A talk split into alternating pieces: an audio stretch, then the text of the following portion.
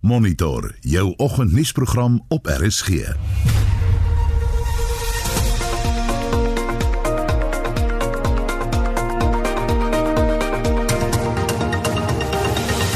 die program volgend hoofregter Mogoeng Mogoeng word oor die vingers getik weens sy politieke standpunte. Judges must not, unless it's necessary for the discharge of judicial office, become involved in any political controversy. And this applies to their work within and outside the court. Die felheid van 'n onlangse vlagplaasaanvalle skok en ontstel. Daar moet beter statistieke getrek word en behou word en ondersoek gedoen word om te kyk waaroor gebeur hierdie aanvalle. Is dit haatdraand? Is dit as gevolg van 'n ander situasie? Hoekom word hierdie mense op so 'n brutale en gruwelike manier aangeval en seergemaak? En die twist tussen die taksiebedryf en die minister van vervoer bereik 'n nuwe hoogtepunt. Goeiemôre, ek is Gustaf Greiling. My naam is Anita Visser.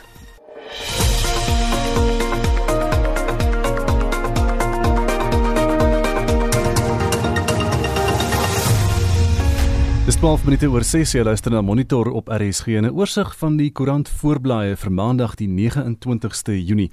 Die burger vandag Kaap van storms lek sy baie wonde. Verskeie gebiede sonder krag, koue front saai verwoesting en 'n foto van 'n boom wat 'n voertuig daar platgeval het. Dit lyk of die front darm nou deurbeweeg het Saterdag en Sondag. Daar's ook 'n berig oor Solly Philander se inhegtenisneming Die selle is walglik, sê hy. Hy Saterdag in distrik 6 in hegtenis geneem vir die oortreding van 'n beskermingsbevel en later op waarskuwing vrygelaat en al die besonderhede van daardie gebeure eh, wat almal die mekaar kan raak is daar in daardie berig. Beeld vandag 176 skole in Gauteng loop deur onder COVID-19. SAOI se optrede sê optrede is nie nou al nodig nie. Dis 188 personeel en 58 leerdlinge in Gauteng wat die virus opgedoen het wat nou die nuwe brandpunt van die koronavirus in Suid-Afrika is hier in Gauteng. Die M-woord en die K-woord is nie dieselfde nie, sê kyk net. En dit na verlede week se rasse herrie op regstreekse TV toe 'n deelnemer gediskwalifiseer is omdat sy op die Big Brother tipe program Quarantine die K-woord gebruik het. En dis tyd dat Paul Kreur van Kerkplein af skuif. Dis volgens die FHK terwyl die MT Steyn standbeeld op die Rooiplein voor die Universiteit van die Vrystaat se hoofgebou Saterdag skielik verdwyn het en glo 'n nuwe tuiste gaan vind by die Oorlogsmuseum van die Boererepublieke en die Vroue Monument in die stad en soos wat Volksblad ook dan nou vanoggend daaroor berig. En sê ook die studenteraad op daardie kampus wil hê die benaming Koffsie moet wy. En ek was gereed vir hulle, sê boer na plaasaanval by Sastron. Ons het ook vanoggend bietjie later meer besonderhede oor daardie plaasaanval op monitor. Business Day vandag 'n miljoen werkers uh, van vra vir COVID-19 hulp en dit oor allerlei tegniese probleme en agterstande by die werkloosheidsversekeringsfonds soos wat die webwerf mense se persoonlike besonderhede glo onthul en dan ook die graderingsagentskappe wat Suid-Afrika waarsku oor die vlak van staatsskuld. Dit vinnig internasionaal op bbc.com die tweede vlaag van koronavirus infeksies in Amerika takel Texas waar die goewerneur waarsku hulle betree nou gevaarlike terreine. En dis vinnige oorsig van vanoggend se nuus. Die geskil tussen die regering en die taksiebedryf het die punt bereik wat taksies nou dreig om passasiers teen 100% kapasiteit te vervoer en ook om oor provinsiale grense te reis. Dis strydig met COVID-19 regulasies. Ons wil weet hoe voel jy daaroor? Dit laat ook die vraag ontstaan tot watter mate ander forme van openbare vervoer soos busse en treine aan die regulasies voldoen. Stuur vir ons 'n SMS 45889 onthou dit kos R1.50 of jy kan gaan na facebook.com vorentoe skynstreep ZRSG of WhatsApp vir ons stemnota na 076 536 6961 076 536 6961 Dis kwart oor 6 en ons bly by daardie storie. Die Suid-Afrikaanse Nasionale Taxiraad Santaku waarsku as wetstoepassers een van hulle taksies vandag skud omdat hulle 100% vol gelaai is of oor provinsiale grense ry, hulle die land tot stilstand sal bring. En die National Taxi Alliance NTA sê hulle sal dadelik alle dienste stop as een van hulle taksies geskit word. Taksies gaan van vanoggend af tussen provinsies rondry terwyl hulle 100% vol gelaai is in stryd met die COVID-19 regulasies. Lila Magnus het meer besonderhede. Santaku en die NTA se leiers sê hulle is gedwing om op te tree nadat die minister van vervoer, Fikile Mbalula, 'n vierde vergadering met die industrie kanselleer het. Die sekretaris-generaal van die NTA, Alfius Mlalazi, sê hulle lede gaan optree binne hul wettige permitte. Hy sê hul lede verloor geld deur slegs 70% van 'n taxi se kapasiteit vol te laai en nie oor provinsiale grense te mag ry nie. It's not a defiance of government and the laws of the country, but it is a cry for the taxi industry to say, can someone listen to it? We trust that the law enforcement agencies will be sympathetic to this call as a cry. And we don't expect that there will be taxis that will be impounded.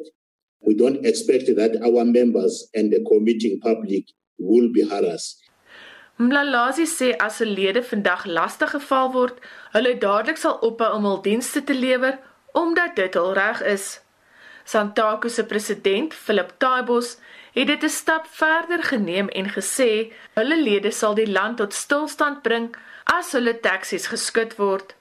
Hy het ook geëis dat alle taksies wat geskit is tydens die begin van die Grendeltydperk aan die eienaars teruggegee word.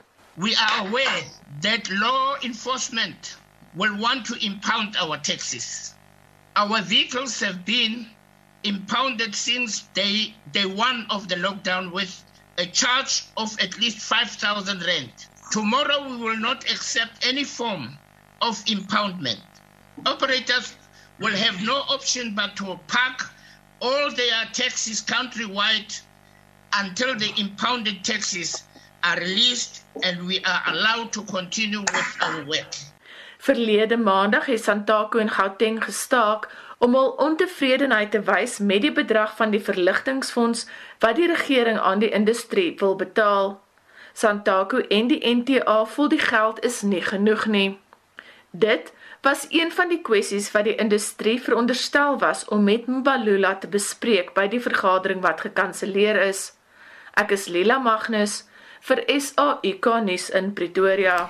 Die DA beskuldig die regering daarvan dat hy nie sy verpligting onder die maatskaplike kontrak tussen die staat en die burgery nakom nie. Die DA meen die kontrak plaas 'n verpligting op die staat om sy burgers te beskerm. Omdat dit nou misluk, gee dit mense die reg om hulle self te beskerm. Ons praat nou hieroor met die leier van die DA in die Vrystaatse wetgewer, Dr. Roy Jankelsen. Goeiemôre. Goeiemôre Anita. Hierdie maatskaplike kontrak waarvan jy praat, nie feit dat jy kla dat die staat nie sy burgers beskerm nie. Ek moet sê Roy, jy is nie die enigste party wat daaroor kla nie, en nie net 'n politieke party nie. Daar's burgerregte forums en so aan wat ook kla oor hierdie gebrek aan beskerming.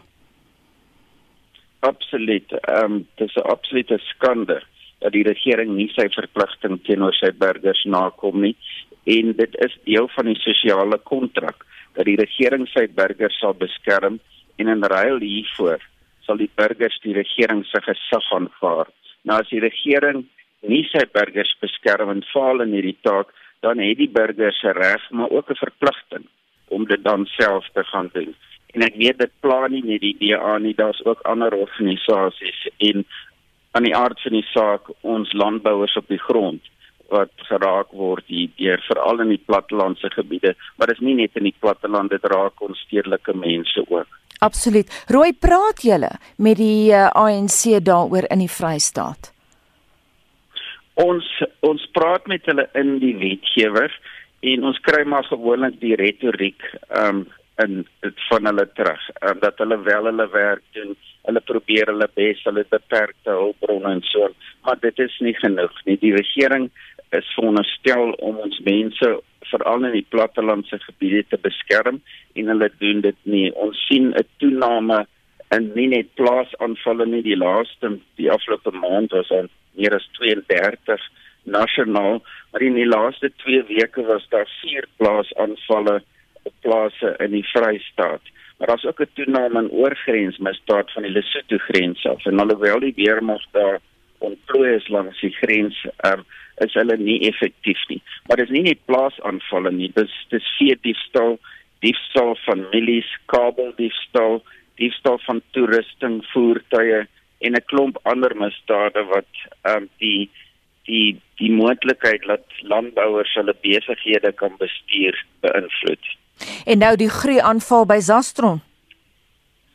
Ja, dis dis ehm um, van die plaasaanvalle in die Vrystaat, maar ook ehm um, oor die land. Um, sien ons dat daar oormatigheid veelheid geweld gebruik word en dat ehm um, dit daar in in sekere gevalle is die mense gemartel en dit is nie normaal in enige misdaad nie. Dis asof die plattelandse gemeenskap ehm um, geteken word met 'n tipe 'n tipe haat. So ons wil hê dat dat plaasaanvalle geklassifiseer moet word as as 'n as 'n haataanval. Rooi, jy het nou gepraat van vier plaasaanvalle. Wat is die heel nuutste misdaadsyfers? Het jy hulle daar by jou? ek ek het die die net ek het nie al die net die, die misdaadsyfers nie ek weet daar's meer meer as 32 plaas aanvalle nasionaal en in die laaste 2 weke het ons in die Vrystaat um, 4 gehad maar verlede jaar in 2019 was die meeste plaas aanvalle nasionaal in die Vrystaat so ek as as 'n wetgewer lid in die Vrystaat praat ek maar vanuit 'n Vrystaatse perspektief Ek neem aan jy praat ook baie met die boere. Wat sê hulle? Het hulle idees oor hoe om hulle self te beveilig, rooi? Ja, die boere is besig om hulle self te beveilig. Daar is sekere plekke waar ons plaaspatrollies het waar die mense kameras misbruik en 'n klomp ander tegnologie. Ons het ook beheerkamers wat deur die boere ondersteun word en dis eintlik goed wat die regering van hulle behoort te doen. 'n Boer se werk is om ehm um, landbou kommoditeite te voorsien aan mense en um, ons kos vir ons te produseer. Dit behoort nie hulle werk te wees om ook te kyk na die beskerming van hulle self, hulle gesinne en hulle eie eiendom nie. Maar wat ons gesien het tydens die COVID-inperkings is dat die regering plaaspatrollies verbied het wat waansinnig is en in daai tydperk het ons ook 'n toename gesien in veral diefstal van plase af. Jy sê nou jy bespreek hierdie in die Vrystaatse wetgewer en jy praat met jou kollegas daaroor en dan sê hulle vir julle maar hulle het nie genoeg mense nie. Ek neem aan rooi jy bedoel hulle het nie genoeg SAPD lede nie. Is dit korrek? Ja, uh, hulle sê altyd die die Suid-Afrikaanse polisie diens het nie die nodige hulpbronne nie. En ek weet spesifiek in die Vrystaat is hulle onderbeman. Hulle het nie genoeg voertuie en ook nie die regte tipe voertuie om in die platteland te werk nie. En dan sit ons met 'n ander probleem en dit is met ons paaie. Um, ons paaie in die Vrystaat, veral in ons in ons landelike gebiede is verskriklik swak. En jou gewone polisie voertuie kan nie by die um, hulle patrollies doen in hierdie gebiede en hulle kan ook nie altyd by 'n misdaadtoneel vinnig uitkom as gevolg van die swak paai nie. Maar ons praat met die mense, die weet jy ons het ook 'n privaat lede um, wetsontwerp die polisie polisieeringsgemeen die gemeenskapspolisierings wetsontwerp wat ons um, nou al 'n spesiale ad hoc komitee gekry het wat 'n veelpartytjie komitee is wat saamgestel is om dit te bespreek en hierdie die doel van hierdie wetsontwerp wat ons daar um, ingestel het is om um, die te te te onder die die polisie se um, beleid rondom plattelandse veiligheid te ondersteun. En wanneer tree dit in werking? Wel ons moet eers deur die hele wetgewende proses gaan in die Vrystaatse wetgewing. So daar moet um, openbare vergaderings gehou word en um, dan eers sal die wetsontwerp weer verder bespreek word en dit dit vat maar rukkie en dan hopelik sal die regerende party dit ook ondersteun sodat ons dit kan implementeer. Rooi net laasens, wat sou julle raad aan ons luisteraars wees? Ons het baie boere wat luister na monitor. Wel wat ek sou wil dis indien 'n persoon 'n omheinde gebied of tuiste met kwaadwillige bedoelings oortree, moet mense aanvaar dat ehm um, legitieme inwoners van daai gebiede in hulle plek hulle self gaan beskerm. So wat ek vir hulle wil sê is ehm um, kry die nodige hulpbronne um, om jouself te beskerm en doen dit want die regering gaan dit nie vir julle doen nie. Baie dankie en daai raad kom van die leier van die DA aan die Vrystaatse wetgewer Dr Roy Jankelson. Ons kyk vinnig na die verkeer in Johannesburg staan daar 'n vragmotor op die N3 noordwaarts by die Geldenhuys wisselaar. Die linkerbaan is versper daar en in Kaapstad 'n voertuig staan op die N2 inwaarts op die hospitaal draai. Die noodbaan is versper, so wees versigtig as jy daar om die draai gaan by die hospitaal. En dan die Kaap is de mekaar gewaai die naweek, so daar gaan nog baie skade wees wat opgeruim moet word op die Kaapse paaie vanoggend. Nou 25 minute oor 6 in die sakeverslag word aangebied deur Corrie de Bruin van PSG Wealth Pretoria Oosmore Corrie. Goeiemôre Gustav. Vrydag volg die JSE wêreldmarkte laer nadat Texas besluit om die opening van sy ekonomie uit te stel. Die JSE is ook verder onder druk geplaas met die rand wat verswak nadat die graderingsagentskap Fitch 'n verslag uitreik wat aandui dat dit onwaarskynlik is dat Suid-Afrika sy planne gaan bereik om skuldvlakke te stabiliseer binne die volgende 4 jaar. Die JSE alle aandele indeks nou sluit 0.5% laer op 53648 punte. Dit is egter steeds 6.3% op vir die maand, maar nog 6% af van die begin van die jaar af. Die finansiële indeks het 1.8% verloor en banke verloor 3.4%. Into Properties, die Britse eiendomsgroep wat fokus op winkelsentrums, se aandeleprys het val met 72% tot 29 sent voor 'n notering opgeskort word op beide die JSE en die Londen aandelebeurse. Dit kom nadat hulle aankondig dat administrateurs aangestel word nadat daar nie ooreenkomste met krediteure bereik kon word nie. In Europa was markte aanvanklik sterker, maar verloor stoom nadat na die Texas aankondiging die FTSE 100 in Londen sluit 0.2% hoër, die Duitse DAX verloor 0.7% en Franse CAC 40 was 0.1% laer. In die VSA kom aandelemarkte onder druk weens hernieude vrese rondom dele van die ekonomie wat weer toemaak. Die S&P 500 verloor 2.4% tot 3009 punte. Die verloor dus 2.9% vir die week en is nou 6.9% laer van die begin van die jaar af. Die Dow Jones verloor 2.8% en Nasdaq verloor 2.6% tot 9757 punte. My Nasdaq is steeds 8.7% op van die begin van die jaar af. Bankaandele was aan die verloorkant nadat die Federale Reserve Raad die jaarlikse stresstoets op banke toon dat hulle naby om minimum kapitaalvlakke gaan kom weens die koronaviruspandemie. Bank of America en JP Morgan verloor beide 11.6%. Nike se aandeleprys verloor 7% na verrassende kwartaallikse verliese wat aangekondig word en Facebook verloor 8% en Alphabet 5% nadat meer maatskappye advertensies op advertensies op sosiale media platforms stop. Markte vanoggend in die ooste is onder druk weens deels weens 'n laer olieprys. In Japan is die Nikkei 1.3% laer, die Hang Seng is 1.4% laer, in Australië is die ASX 200 2.1% laer, die BHP groep wat 2.4% laer is ons kyk na die kommoditeitsmarkte, goud verhandel op 1772 dollar, platinum op 813 dollar en Brent olie is laer op 40 dollar 27 Amerikaanse sent. Laastens die valuta markte, die rand is swakker teen R17.31 teen die Amerikaanse dollar, R21.41 vir 'n Britse pond en R19.45 vir die euro en beleggers kan steeds verwag dat markte wisselvalligheid gaan voortduur dis nie uitkom oor die ekonomie wat oop en weer toemaak. Dankie Gustav, dis al vir my. Lekker dag verder. Dit was dan die uh, sakeverslag daar aangebied deur Corrie de Bruin van PSG Wealth Pretoria Oos. Jy luister na Monitor elke weekoggend tussen 6 en 8. 632 in die hoofnuus Santaco het uh, hulle lede aangesê om van vooroggend af hulle taksies vol passasiers te laai. Die Zondo-kommissie van ondersoek oor staatskaping hervat volgens sy bedrywighede. En 'n Suid-Afrikaanse vrou vertel van die eienaardige lewe in 'n Arabiese land, bly ingeskakel.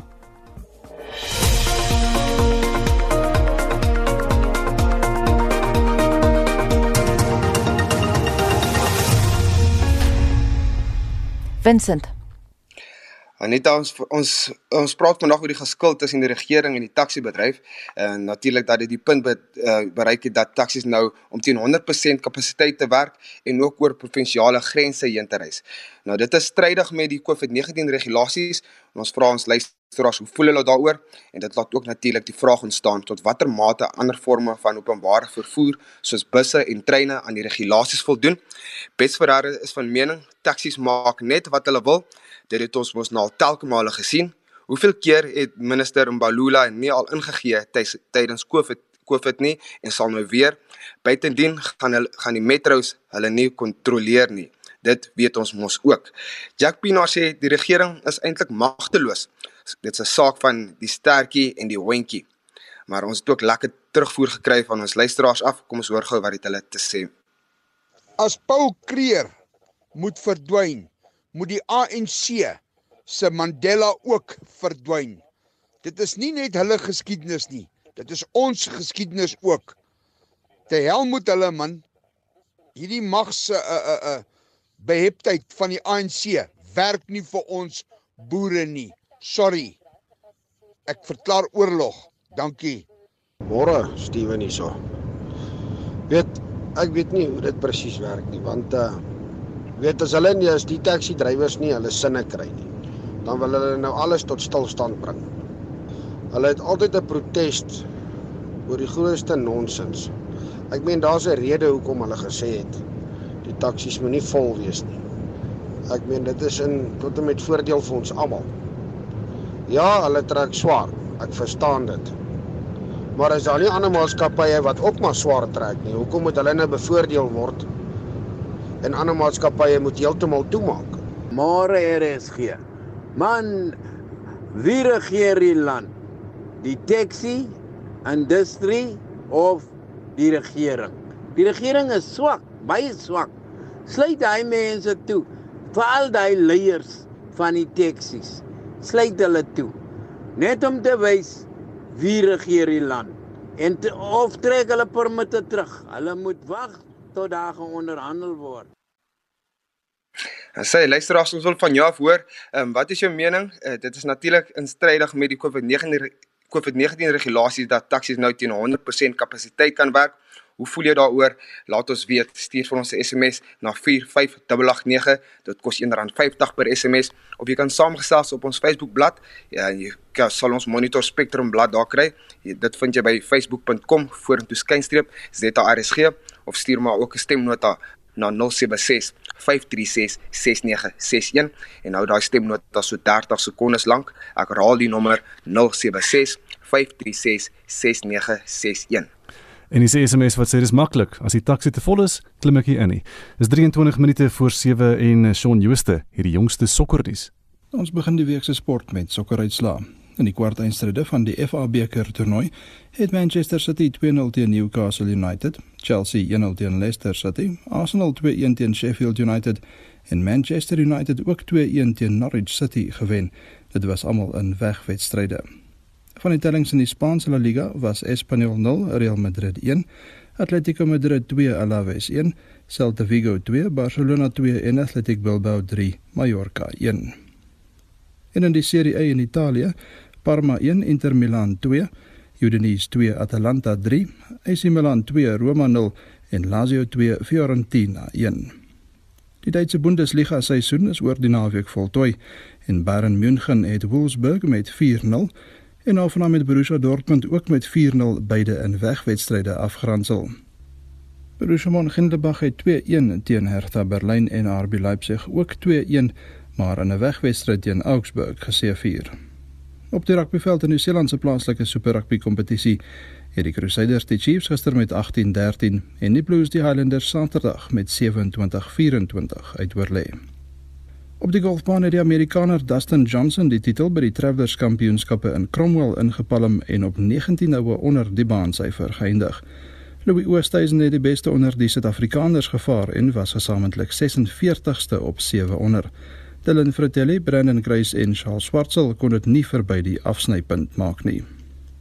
En laastens in tennisnuus.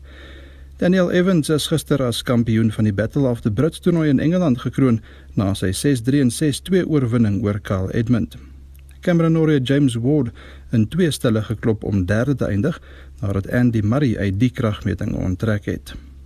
In gister se ITS reeks wedstryde het Dominic Thiem van Oostenryk met die Italianer Matteo Berrettini, die Spanjaard Feliciano Lopez met die Fransman Benoit Paire en die Griek Stefano Tsitsipas met Alexei Poprin van Australië afgereken. Dit was almal in 4 stelle.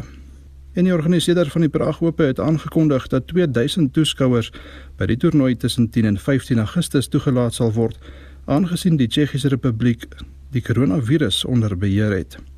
Organiseerders sê ook die Ope moenie met die uitgestelde Ope wat in Mei sou plaasvind verwar word nie.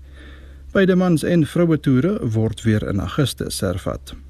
Shaun Schuster, SAK Sport. 20 minute voor 7 by Monitor op RSG en professor Jolanda Spies is 'n oud diplomaat wat deesdae in Abu Dhabi aan die Zayed Universiteit lesings oor internasionale diplomatie aanbied.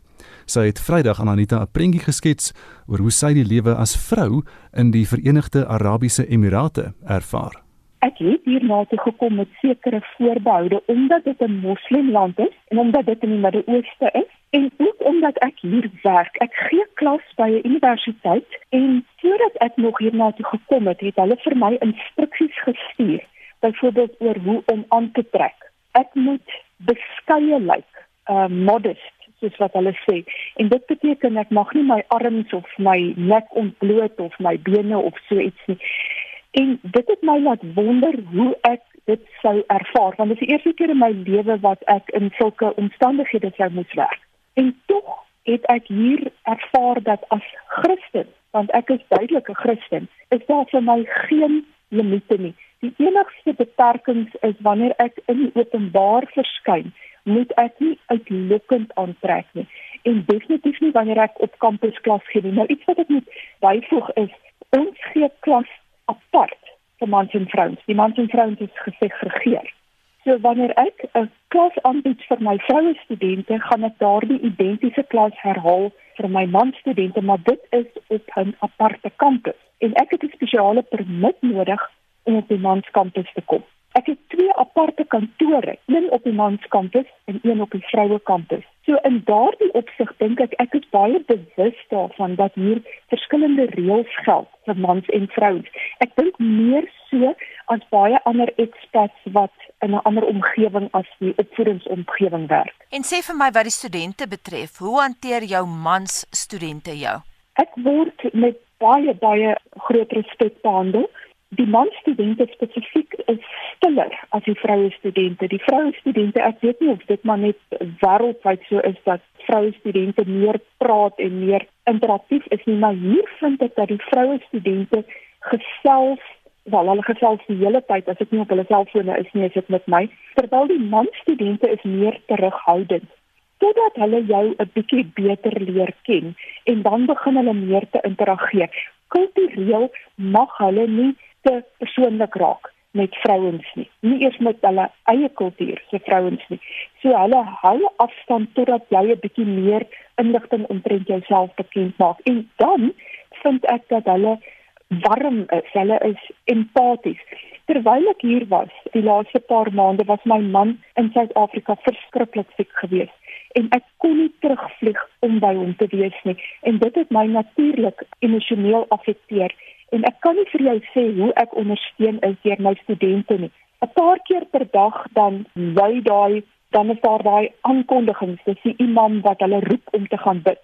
En dit word deur groot uh, mikrofone, hmm. luidsprekers in die gange vir ons gespeel. En wanneer daai oproep kom dat die moslems nou moet gaan aanbid, dan gaan die studente uit die klas uit, hoor. Uh, dit is nie asof hulle deur die klas sit en wag vir die volgende geleentheid om te gaan bid nie. Hulle loop uit die klas uit mm. as daai as daai aankondiging kom. En weet jy dat hulle na my toe gekom het? Daai man studente dan kom staan hulle in 'n sirkel om my dan sê hulle vir my want hulle noem my nie professor nie, hulle noem my teacher. Dan sê hulle vir my teacher, we are now going to pray for you for your husband. 'n Wonderlike warmte wat ek hier ervaar het wat ek nie verwag het nie. Jolanda wat ander aspekte van die lewe in die Verenigde Arabiese Emirate betref, wat het jou verbaas? Wat my verbaas het is ehm um, wel die weer op die oomblik is verskriklik warm. Dit was gister 43 grade en in die nag koel dit af na 'n vars 31 grade. So dit beperk mense bewegings. Ek het hier aangekom in Januarie en ek was verbaas dat daar so min mense buite rondloop in die strate. Ek is gewoond aan wêreldstede waar dit hemel van die mense. En toe hoor ek dit is juis omdat die temperature hier dit vir die mense so moeilik maak. So jy woon en jy werk binne in 'n gebou en as jy uit moet gaan dan doen jy dit so vinnig as moontlik of jy sorg dat jy in 'n motor is. Dit is die een aspek so die lewe is binnekant. Die tweede aspek is presies hoe waardig hierdie mense is. Nou die Emirate is 'n fascinerende landjie want hulle het minder as 10 miljoen mense en meer as 80% van daai mense is buitelanders. So die Emirate, die, die werklike ehm um, inwoners van hierdie land, is 'n handjievol mense, maar jy kan hulle nie mis nie. Die vrouens trek slegs swart aan as hulle buite rondloop. Dit is daardie swart mantel rokjas wat hulle oor hulle klere dra en die mans dra net wit met hulle wit kopdoeke en die vrouens dra 'n swart kopbedekking. En hoe netjies hulle is, hoe lekker hulle ruik. Hulle dra net die duurste parfume, die mooiste skoene, mooiste handsakke. So dit is iets ek kyk altyd vir hulle en ek sien dat hulle sit nie hulle voete buite die huis sonder dat hulle eksie perfeksie lyk nie. En dit beteken ook dat ek met nuwe oë kyk na die buitelanders. Elke nou en dan in 'n winkelsentrum dan sien ek 'n vrou, 'n westerse vrou eh, rondloop met 'n kort rokkie of so. Nou ons word nie verbied om dit aan te trek in die openbare plekke nie, maar dit word nie aangemoedig nie. En dan kyk ek vir hulle en dan dink ek, "Sjoe, maar jy lyk sleg. En die rede hoekom ek so voel is nie omdat ek in die algemeen so voel nie, maar omdat ek dink as 'n mens in hierdie omgewing is, moet jy hulle respekteer. Daar's 'n gevoel van waardigheid hier. Jolande, wat kos betref, eet jy lekker lamsvleis, skaapvleis? Ja, ja, Anita, ek eet lekker skaapvleis hier, maar ek kom agter hulle gunsteling vleis is wiener, hoor, en wanneer dit by vis kom, is hulle mal oor salm en tuna. Maar ek eet enige iets, hoor. As jy ding nie met my terugpraat en sal ek kom eet. So ek het hier na toe gekom en dit was reg om allerlei interessante dinge te probeer. So in die oggend eet ek Emirati pannekoeke. Dit beteken my pannekoeke is gegeur met saffraan en met kardamom en ek eet dit met hulle heuning. Mm. En wat vir my heerlik is hier as jy loop in enige winkelsentrum dan is daar sulke punte waar hulle heuning verkoop uit groot potte uit en dan kan jy nou kies watter heuning jy wil hê en alles kom nou hier van plaaslike plase af. Het jy vriendinne gemaak? Ek het um, Anita en daai net die laaste paar maande sedert ek hier aangekom het was ons omtrent die hele tyd in inperking. Ons het al vroeg maart maand in inperking ingegaan. So die vriendinne wat ek gemaak het, is mense wat ek leer ken met voor Maart maand. En ja, ek het ehm um, dis vrouens en mans, maar dit is moeiliker om vriendskappe met mans hier te hê. Dis meestal kollegas, want my kollegas by Zayed Universiteit kom van die hele wêreld af. Nou dis die eerste keer in my lewe wat ek so iets ervaar. In Suid-Afrika was my studente baie kosmopolitaans geweest terwyl die meeste van my kollegas het van Suid-Afrika afgekom. Hier is dit presies teenoorgestelde. My studente is almal Emirate. Hulle is almal presies dieselfde geloof en taal en nasie, maar my kollegas kom van die hele wêreld af. Langs my sit 'n vrou van Hongarye af en oorkant my 'n Kanadese en hierdie kant iemand van Singapore en ek het met hulle bevriend geraak. So my vriende is baie expert. Jolande, sou jy sê die Arabiere is insulêr? Ja en nee, Anita, um, hierdie land is 'n is effens van 'n uitsondering want hulle het baie spesifiek probeer om minder insulêr te wees. Hulle verwelkom byvoorbeeld vreemdelinge in hulle opvoedkundige stelsel juis om hulle insulariteit te verbeter kultureel is hulle baie privaat. Wanneer ek privaat gesprekke het met my vroue studente, dan sê hulle vir my dinge wat hulle frustreer byvoorbeeld is dat daar van hulle verwag word om by hulle ouers te bly of hulle nou getroud of ongetroud is. Hulle het baie minder vryheid as wat westerse vroue byvoorbeeld het. Maar die Emirate, hierdie United Arab Emirates, hulle laas jaar om jou idee te gee, aangekondig dat die helfte van die vrouens in hulle parlement ekskuus dat die helfte van die lede in hulle parlement vroue gaan wees Hulle reik uit na die res van die wêreld op maniere wat ons onbewus is van. Hulle stuur nou die eerste verkenningstuig na Mars toe, byvoorbeeld. Hulle skep hier nuwe stede wat hulle noem groen stede is wat net werk op hernubare energie. So hulle doen geweldig baie om hierdie land te posisioneer as 'n sentrum vir die wêreld om hier nie net te kom toerisme doen nie, maar ook om hier te kom leef, om hier te kom opvoeding geniet. En dit sê vir jou iets van hulle poging om uit hulle insulariteit uit te beweeg. Jolande net laastens, het jy alle kultuur so gepenetreer dat jy al verstaan wat hulle sin vir humor is? Ek het agtergekom dat hulle 'n fyn sin vir humor het en dat hulle dit verskriklik geniet wanneer jy met hulle deel. Nou wat ek dikwels doen om seker te maak dat ek nie misverstaan sal word nie. Ek sal vir hulle iets sê wat van my perspektief miskien humoristies is. En as ek sien dat hulle nie almal lag of positief reageer nie, dan vra ek hulle, "Wat het ek nou vir julle gesê? Hoe het julle dit ervaar? Was dit vir julle offensief geweest?" En ek is verbaas oor die eerlike terugvoer wat ek kry. So ja, hulle het 'n sin vir humor. Partykeer is daar iets in die taal wat jy gebruik want onthou Engels is nie van die eerste taal nie wat hulle miskien misverstaan. Maar die oomblik as jy deur daardie klein laagie kom, dan het jy heerlike humoristiese gesprekke met hulle. En dit dan professor Jolanda Spies wat vanuit Abu Dhabi met Anita gepraat het. Die Suid-Afrikaanse Anglo-Boereoorlog Museum in Bloemfontein het 'n labirint bekend gestel om die kinders te gedenk wat tydens hierdie oorlog swaar gekry het. Volgens die hoofopvoedkundige beampte by die museum vir die Boere-Republieke, Danai Swanepoel, is dit juis gepas om dit tydens jeugmaand te onthul hul. Swanepoel glo die oorlog het Suid-Afrikaanse kinders gedwing om vinniger groot te word. Om op plaas te bly was definitief nie maklik nie, maar jy kon nog redelik kind wees op op die plaas. Ek dink die omstandighede rakende die beskryde aarde in die krygsgevangene kampe en um, dan natuurlik die konsentrasiekampe was heeltemal nie ten onbekend aan die kinders gewees en hulle rolle het baie vinnig verander en om van te skuif van bloot van kind na byvoorbeeld 'n uh, boerekryger op komando, 'n voog en broodwinner of so kan stel en verpleer vir hulle jonger boeties en sissies en baie keer vir hulle ma as hulle ma siek geraak het in die kampe of as krygsgevangenes in ver afgeleë lande, ver by die see van hulle ouers af. So ek dink hulle moes baie vinnig groot word in daai omstandighede.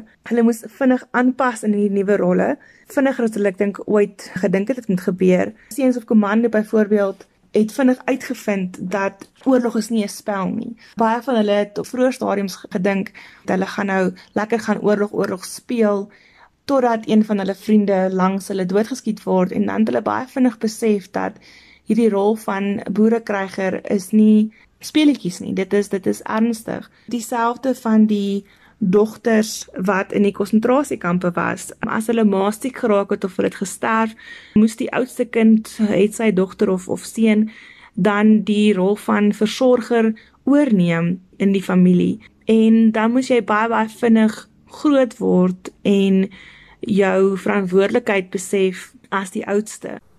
Hoe gedenk julle die lot van die kinders by die museum? By die museum is ons fokus veral op kinders.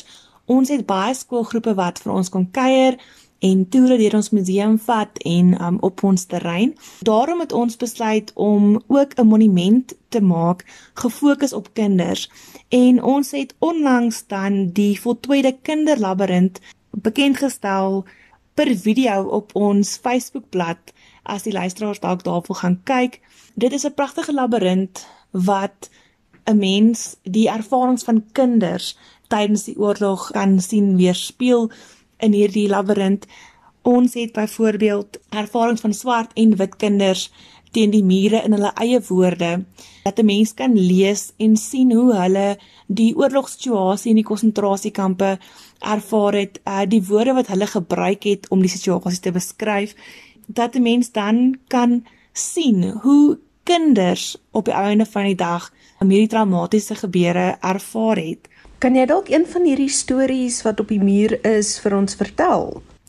Dit lees: Toe sy siek was, sê ek vir haar: "Ma moet tog nie doodgaan nie, want wat sal van ons word?" Sy het my toe geantwoord: "My kind, die Here kan ons vir julle beter sorg as ek.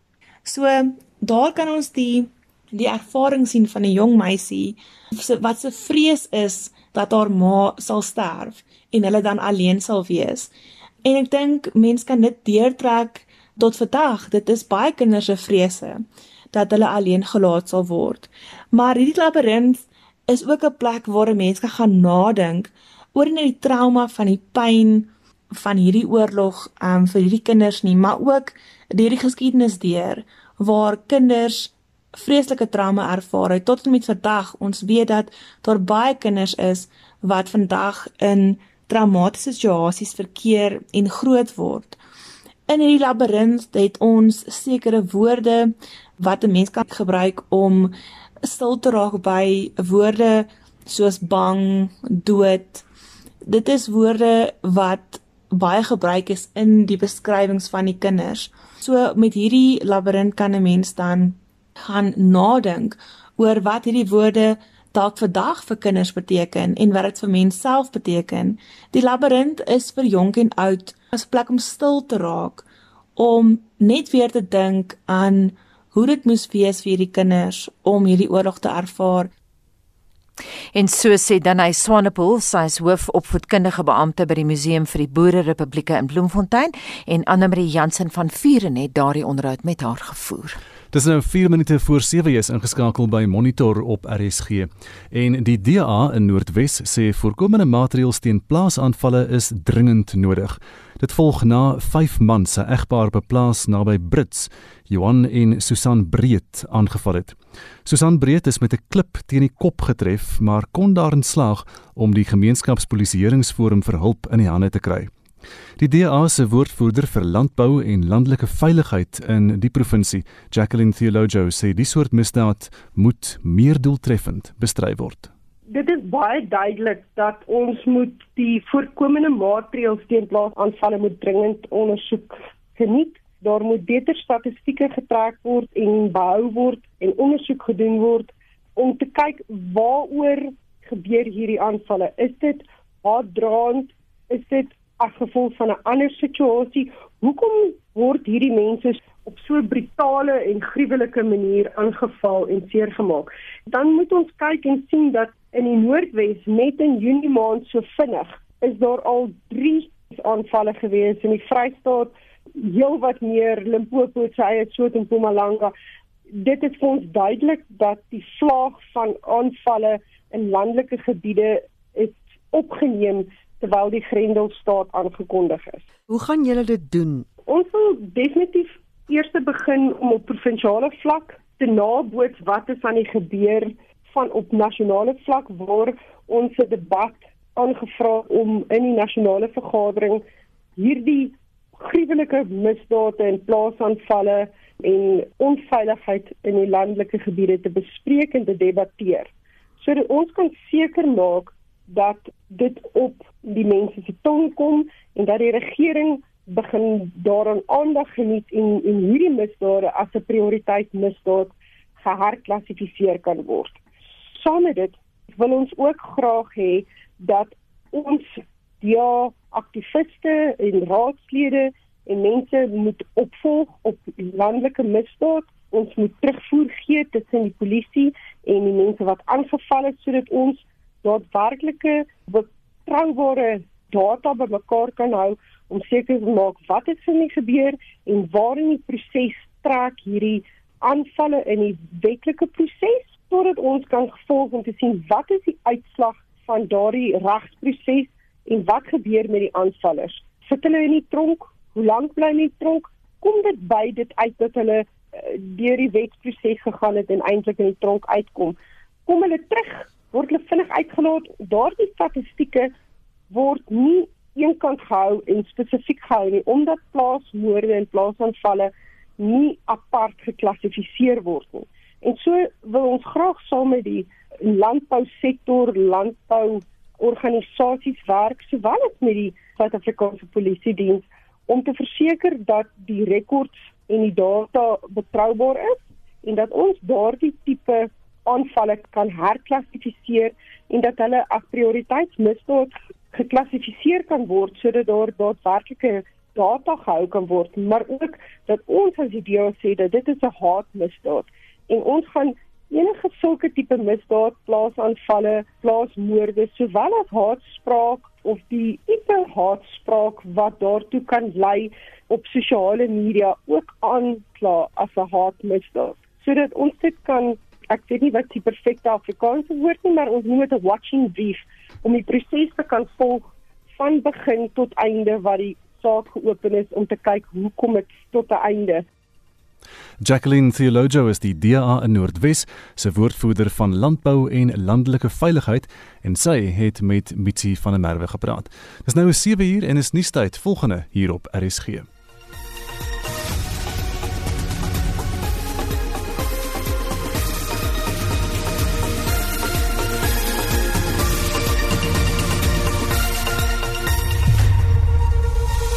SAK nuus.